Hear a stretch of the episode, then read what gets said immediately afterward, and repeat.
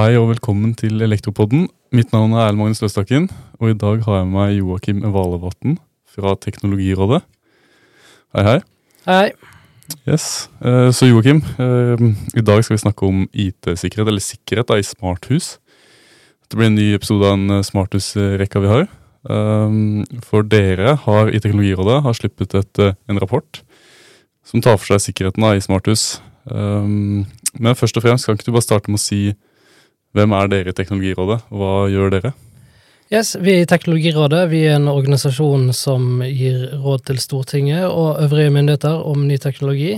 Um, så vi er tilknyttet Stortinget, men vi har en relativt uavhengig posisjon som gjør at vi kan velge våre egne prosjekter og, og på en måte gjøre utredninger og komme fram til politiske råd om ting som vi tenker blir viktig i fremtiden, og som er viktig nå. Mm. Så vi jobber innenfor en del ulike temaer. I det siste så har det vært mye fokus på kunstig intelligens. Og så har jeg jobbet med et prosjekt om sikkerhet i smarthus i ja, de siste par årene. Ja, Spennende. Eh, Hvorfor ble det til det, egentlig? Altså, hvorfor smarthus? Nei, det var jo Altså, dette Det, det vi gjør, er en del av et uh, forskningsprosjekt i samarbeid med Oslo OsloMet. Um, og der Altså, utgangspunktet for dette prosjektet er jo en tanke om at det skjer veldig mye i hjemmene våre, som, som er stadig mer internett-tilkoblet, og som også kan ha betydning for eh, samfunnets sikkerhet for øvrig, da. I tillegg til at det kan ha betydning for husholdningenes sikkerhet. Og da er spesielt um, ser vi da på sånn smarthusting eller Internet of Things-ting. Mm. Ja. Ja, for Vi ser jo på en måte en utvikling nå. Det sto jo i rapporten nå at eh, ni av ti eh, nordmenn eh, har smarthusprodukter hjemme. Da med, altså, Hvis du tenker med smart-TV, da, sto det vel spesifikt. Ja. Um. Um, ja, det er veldig mange som har uh, sånne ting. Um, og det har økt en del de siste årene også. Um, så hvis man Smart-TV, det tenker jeg er litt sånn ullent begrep, for det kan jo også bety sånn at man bruker Netflix. Men hvis man trekker fra det, så er det fortsatt åtte av ti som har en av de gjenstandene vi har bedt, uh, bedt de om å svare på om de har, den. Um, og en tilsvarende undersøkelse ble gjort i 2019. Um, og det har skjedd en ganske stor økning, blant annet uh, at det har vært en tredobling i antallet som oppgir at de har robotstøvsugere hjemme. Så i 2023 så var dette 26 mm. mm. det, det, er, ja, det er store tall. Mm. Når dere snakker om smarthus, da, hva er det dere, hvordan spisser dere den, og hva er det dere har sett på? Ja, det, det finnes jo liksom ikke en sånn lovlig, altså sånn lovgitt uh, definisjon på hva et smarthus er. Uh, og så har vi også for prosjektets del da prøvd å begrense oss litt til ting som, uh, som befinner seg innenfor husets fire vegger, eller ja, inkludert hagen, da, med tanke på robotgressklippere. Mm. Um, så vi har, vi har, også delt inn i noen, noen kategorier som vi tenker er um, nyttige. Um, og det er eksempel ting som har med oppvarming av huset og strømsparing å gjøre, og også lading av elbiler. Ja. En kategori som er um, sikkerhet og overvåking, som har med eksempel uh, overvåkningskameraer, uh, dørklokker med kamera på, uh, alarmer og den type ting.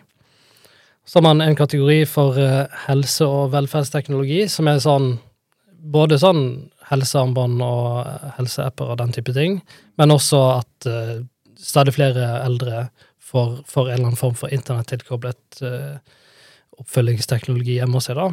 Og så en del husholdningsutstyr, ting som hjelper deg med hver, hverdagslige oppgaver, sånn som robotsøvsugere eller kjøkkenutstyr, mm. og ting som brukes til underholdning. Så det er liksom de kategoriene vi har uh, delt opp i, da, for å gjøre det litt mer oversiktlig.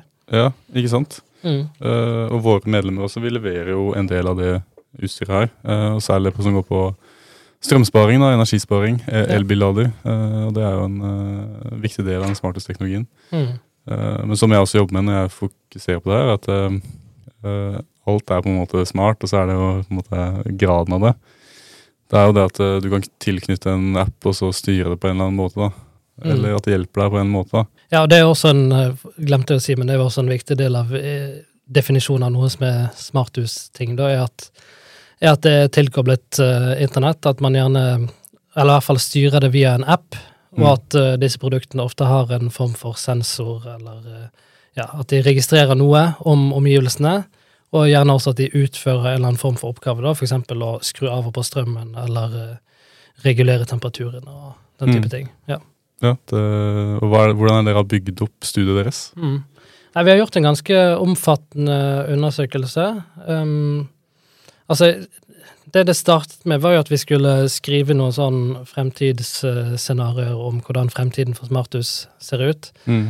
Um, og idet vi skulle begynne med det, så tenkte vi sånn Her vet vi ikke nok om hvordan nåtiden er, og liksom hvilke utfordringer som finnes i dag, så vi tenkte vi skulle lage en oversikt og finne litt ut av det, og da, da ble det plutselig til en ganske omfattende undersøkelse, da, der vi også fikk hjelp av et um, ganske anerkjent uh, internettsikkerhetsselskap som heter Numanic, som, Mm. som hjalp oss i gang med den undersøkelsen. da.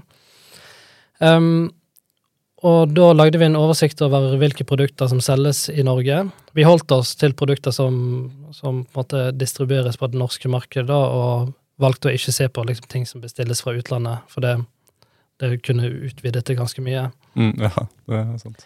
Og så tenkte vi også at det ville være veldig omfattende og dyrt å skulle kjøpe inn eh, Så vi bestemte oss for å undersøke 100 smarthusprodukter. Mm. Men vi tenkte at det ville vært ganske omfattende og dyrt å kjøpe inn 100 fysiske dingser. Um, det hadde tatt mye plass også.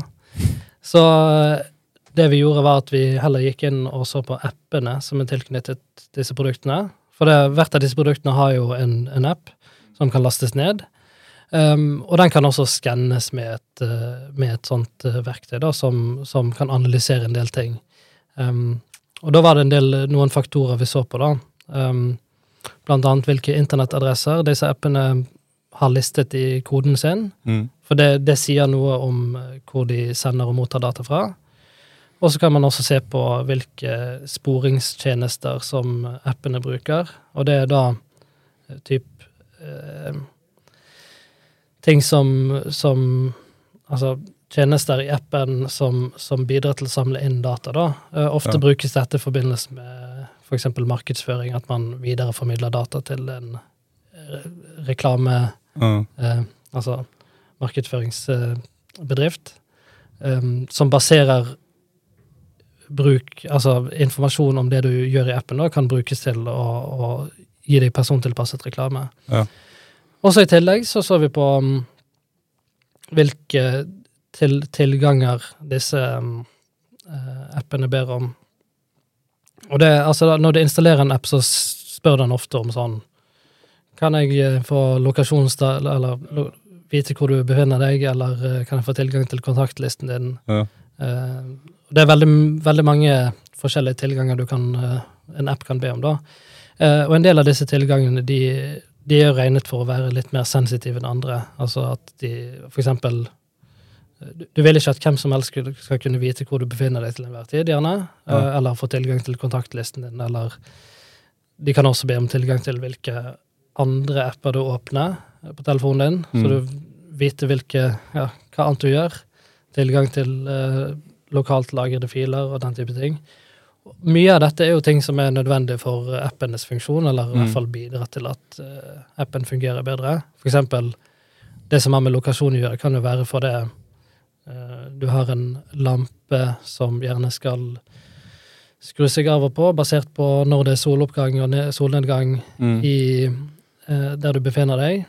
Um, og da må den gjerne vite hvor du befinner deg. Eh, så istedenfor at du taster inn Oslo eller Narvik eller noe sånt som det, så, så ser appen hvor du befinner deg. da. Ja. Men så så vi jo at en del av disse appene ber om betraktelig flere tilganger enn det som, eh, det som de burde ha for å fungere. da. Og det, det kan jo være tegn på at de som har utviklet appen, ikke har tatt, det så veldig, tatt sikkerhet så veldig på alvor. Så det gjorde vi, og så, så vi, hadde, kjøpte vi også en, en fire produkter som vi eh, analyserte fysisk, og målte hvilke, hvilke mm, data som ble sendt hvor hen, og hvordan data ble sendt, om det var kryptert eller ikke. Få en antydning av når de samler inn data. Ja. For eksempel med en ringeklokke så kunne man se det at den begynner å sende data idet eh, noen befinner seg i nærheten av den. For da, Mm. da slås en sensor på, og så sendes det data. Så det, da for tak i 100 apper, så får, fikk vi en ganske god oversikt over hvilke merker som, som befinner seg på markedet også. Så det var liksom Ja. Ja, det er litt av en, eh, et studie, det her. Um, Mm. Og det er jo og kjent, så er det jo det når det kommer til den der hva jeg godtar vilkår. Eh, Ja. Folk leser jo sjelden det. Eh, sier ja. Og så får det være som det er, på en måte. Ja, definitivt. Eh, og det var interessant å se at det var en app eller noe som hadde 150, 150 ting da, som den Mm. mm. samla inn av data for at den skulle brukes. Og det er uvisst hva, hva er det disse dataene går til, på en måte. Det, det vet man jo ikke. Eller, Ja. Nei, det er veldig um, Jeg tror det er veldig vanskelig for vanlige forbrukere å ha et bilde av hva som skjer når man bruker disse tingene. Og det er det vi prøver litt å, å kartlegge. Da, gi, litt, gi litt bedre informasjon. Uh, noe folk kanskje tenker på nå, er det der redd for, uh, redd for Kina. da, Den der er Mm. skeptisen der. Og så er det ulikt om produktet måte er basert og produsert og alt i Kina, utvikla i Kina, eller om kanskje produktet er lagd der, men det er utvikla i Europa. Uh, den delen der, så dere noe på det òg? Ja, vi, vi, vi så jo litt på det også. Um, og det er jo, altså, det, det er jo ganske velkjent at um, en del, altså eksempel robotstøvsugere, Mm. uh, ofte leveres av kinesiske merker. Um, og så lenge folk er klar over det, så er det jo liksom Da kan du i hvert fall vurdere selv om dette er noe de Altså en, en måte risiko de ønsker å ta eller ikke. Og så har det jo vært de siste par årene litt mer oppmerksomhet. Altså forholdet mellom Kina og Vesten har jo blitt verre de siste årene. Og for eksempel den TikTok-appen var jo noe som Nasjonal sikkerhetsmyndighet advarte om at folk som er ansatte ansatt i offentlig sektor, ikke burde ha på sin tjenestetelefon. Mm. Um, um, og så lenge produkter er, altså så lenge produkter er tillatt på det europeiske markedet, så kan ikke på en måte norske myndigheter si at eh, befolkningen generelt ikke burde bruke det. Så det, det, de kan begrense det til eh, offentlige myndigheter, i hvert fall. Um, men så er jo smartisprodukter er jo ofte produkter som samler inn en del informasjon, altså at de har kameraer eller mikrofon eller sensorer, så det er jo basically Mye av det er jo liksom overvåkningsutstyr. Mm. Um, og også noe vi så, er jo at robotstøvsugere i større og større grad også har mikrofoner og kameraer installert, og ikke bare sånn lasersensorer. Mm.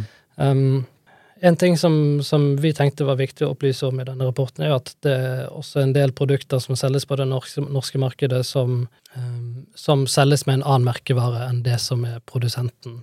Uh, det gjelder eksempel Cleverio, som den heter. Og så, når man ser nærmere produktet, så ser man at det er en produsent som heter Tuya, som står bak dette produktet. Mm. Som er Jeg tror det er verdens største produsent av Internet of Things-dingser, da. Ja. Eh, et kinesisk eh, firma. Og de utvikler jo da appen også. Det, det er på en måte en, et viktig skille, da, at sånn Selvfølgelig mye teknologi er utviklet i Kina, eller produsert der, eh, selve de fysiske dingsene. Ja. Men som oftest så vil bønn og liksom informasjonsinnsamlingen skje, via et uh, europeisk eller amerikansk selskap. Men i dette tilfellet så er det en del produkter som er på en måte merkevaren for uh, brukeren til å tenke at dette er et uh, nordisk eh, eh, produkt. Og så er appen og, og alt utviklet av et kinesisk eh, firma, da. Um, så det er jo noe som, som i hvert fall synes er viktig at folk vet om. Og altså litt sånn kuriositet når man leser brukerbetingelsene for um, de Cleverio-produktene, da, når man laster ned appen via Apples Apple sin AppStore, eksempel, så står det noen bruker, brukerbetingelser der som du kan lese, der det står at man blant annet ikke skal spre ondsinnede rykter om uh, den kinesiske staten og den type ting. Så det er litt sånn Og så er det det at øh, Kina er veldig stor på det her, så man skal jo ikke si at øh, alt som kommer derfra er liksom Det er noe feil med det. Det kan jo være kvalitetsprodukter, det òg. Ja, definitivt. og det er mye av det som er det. Ja. Eh, men det er jo, som du sier, at, det, at man er oppmerksom på det, da. eh, som bruker av slikt utstyr. Eh, at det er flere ting man kan tenke på da, Ja. rundt sikkerhet. Ja. Eh, og- da tenker jeg det er viktig altså, Det er litt forskjell mellom fra person til person hva de liksom Hvor mye viktige opplysninger de, Ja. de har i hjemmet sitt, eh, eller eh, Og så ett poeng da, som jeg også tror er viktig, er at jeg tenker jo at de bedriftene som, som leverer disse produktene, de har garantert større interesse av, um, av å selge trygge produkter som folk stoler på, Absolutt. Ja. Um, og det er jo for våre medlemmer da, som skal levere sånne systemer som det her, uh, Mm. Gjerne sette det opp, så er det jo det er jo en grunn til at jeg sier at man skal kanskje velge produkter man er kjent med, eh, fra større uh, firmaer du uh, stoler på, da, på en måte. Mm. Um, Enn å levere masse ulike fra ulike. Uh, da igjen er det jo et større, større sjanse for at en av produktene kanskje er noe feil med. For eksempel da, hvis du leverer mye ulikt. da. Men igjen så leste jeg jo i rapporten deres at noen av produktene var sånn de oppdatertes ikke på ett år og et halvt år. Um, så hvis man Nå gjelder jo det sjelden de produktene våre medlemmer uh, leverer, da. Uh, for det er kanskje litt uh, kanskje typisk mer forbrukerelektronikk enn faste installasjoner. Men det også er også noe å være oppmerksom på, da, at oppdatering når det utføres, og hvor ofte en app eller produktet oppdateres. Da. Fordi det ikke, går ikke bare på funksjonalitet, men det går også på IT-sikkerhet. Mm. Ja. ja, definitivt. Og um, altså, hvert av disse produktene, de har jo altså La oss si at jeg har en smart strømbryter hjemme, Mm. um, som er noe jeg har, som jeg bruker som et eksempel her. Uh, så har jo den en datamaskin inni seg, uh, og en eller annen wifi-sender som gjør at den er koblet til internett. Og så kan jeg styre den via en app på telefonen min. da. Mm. Um, og så er, for meg som forbruker så er det jo egentlig umulig å vite om programvaren i selve den dingsen er oppdatert. Um, altså, det, det, det er jo sånn firmware, som det kalles, og det, Mm. det er litt sånn For forbrukerne så er det Jeg vet ikke helt om det finnes noen måter å sjekke det, om det er oppdatert på. I noen tilfeller så er det jo sånn at sånne produkter ikke kan oppdateres eh, sånn firmware på. Mm. Men noe man i hvert fall kan se, er jo når, eh, når appen sist fikk en oppdatering. Og det kan jo gi en indikasjon på um, produsenten tar sikkerhet på alvor, da.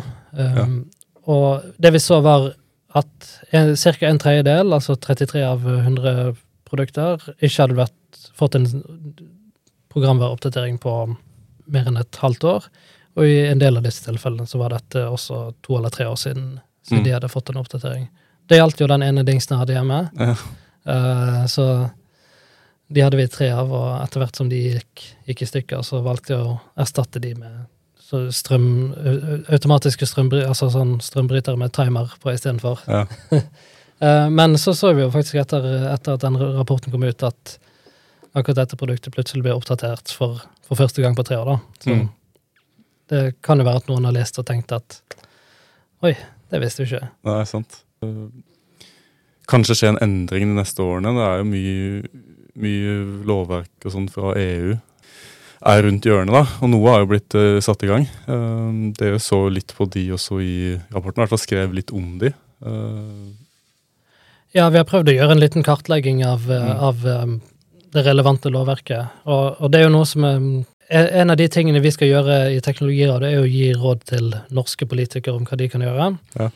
Um, og i dette prosjektet så har vi sett Nå har vi jo på en måte sett på forbrukerteknologi som brukes i private hjem, først og fremst. mm, Um, og når det gjelder forbrukerteknologi, ting som du kjøper i elektronikkforhandlere i norske butikker, så er jo det noe som ofte reguleres gjennom EU-standarder og EU-regler.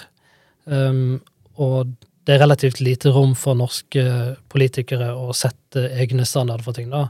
ja. Fordi det skal være Altså, en av de tingene som har med EU og Norges medlem, medlemskap i EØS å gjøre, er at hvis du skal Altså, du skal kunne selge det samme produktet på samme måte i alle europeiske land. mm, Um, og det gjør at for denne typen produkter så er det EU-reguleringer som er måte det som er relevant for, for å kunne forbedre sikkerhetsstandarder. Fire forskjellige relevante EU-reguleringer. Det er en ting som heter Cyber Resilience Act, som er et sånn eh, Per i dag så er ikke det vedtatt, men det, det er i ferd med å bli vedtatt nå. Og det, det er et lovforslag da, som skal, skal sørge for en del grunnleggende standarder for internettsikkerhet Ja. i produkter som selges på det europeiske markedet. Eh, De kaller det for produkter med digitale elementer.